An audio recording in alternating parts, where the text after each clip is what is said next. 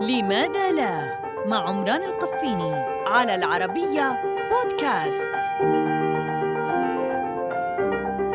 لماذا لا يكتشف الرادار بعض الطائرات؟ قبل أن يتمكن رادار ألماني من رصد المقاتلة الأمريكية F-35 كانت هذه الطائرة شبحاً تحلق دون خوف من أن يلاحظها أحد. الرادار باختصار موجات يطلقها جهاز ثم تصطدم بالهدف فترتد إليه فيحدد الجهاز المسافة ونوع الهدف.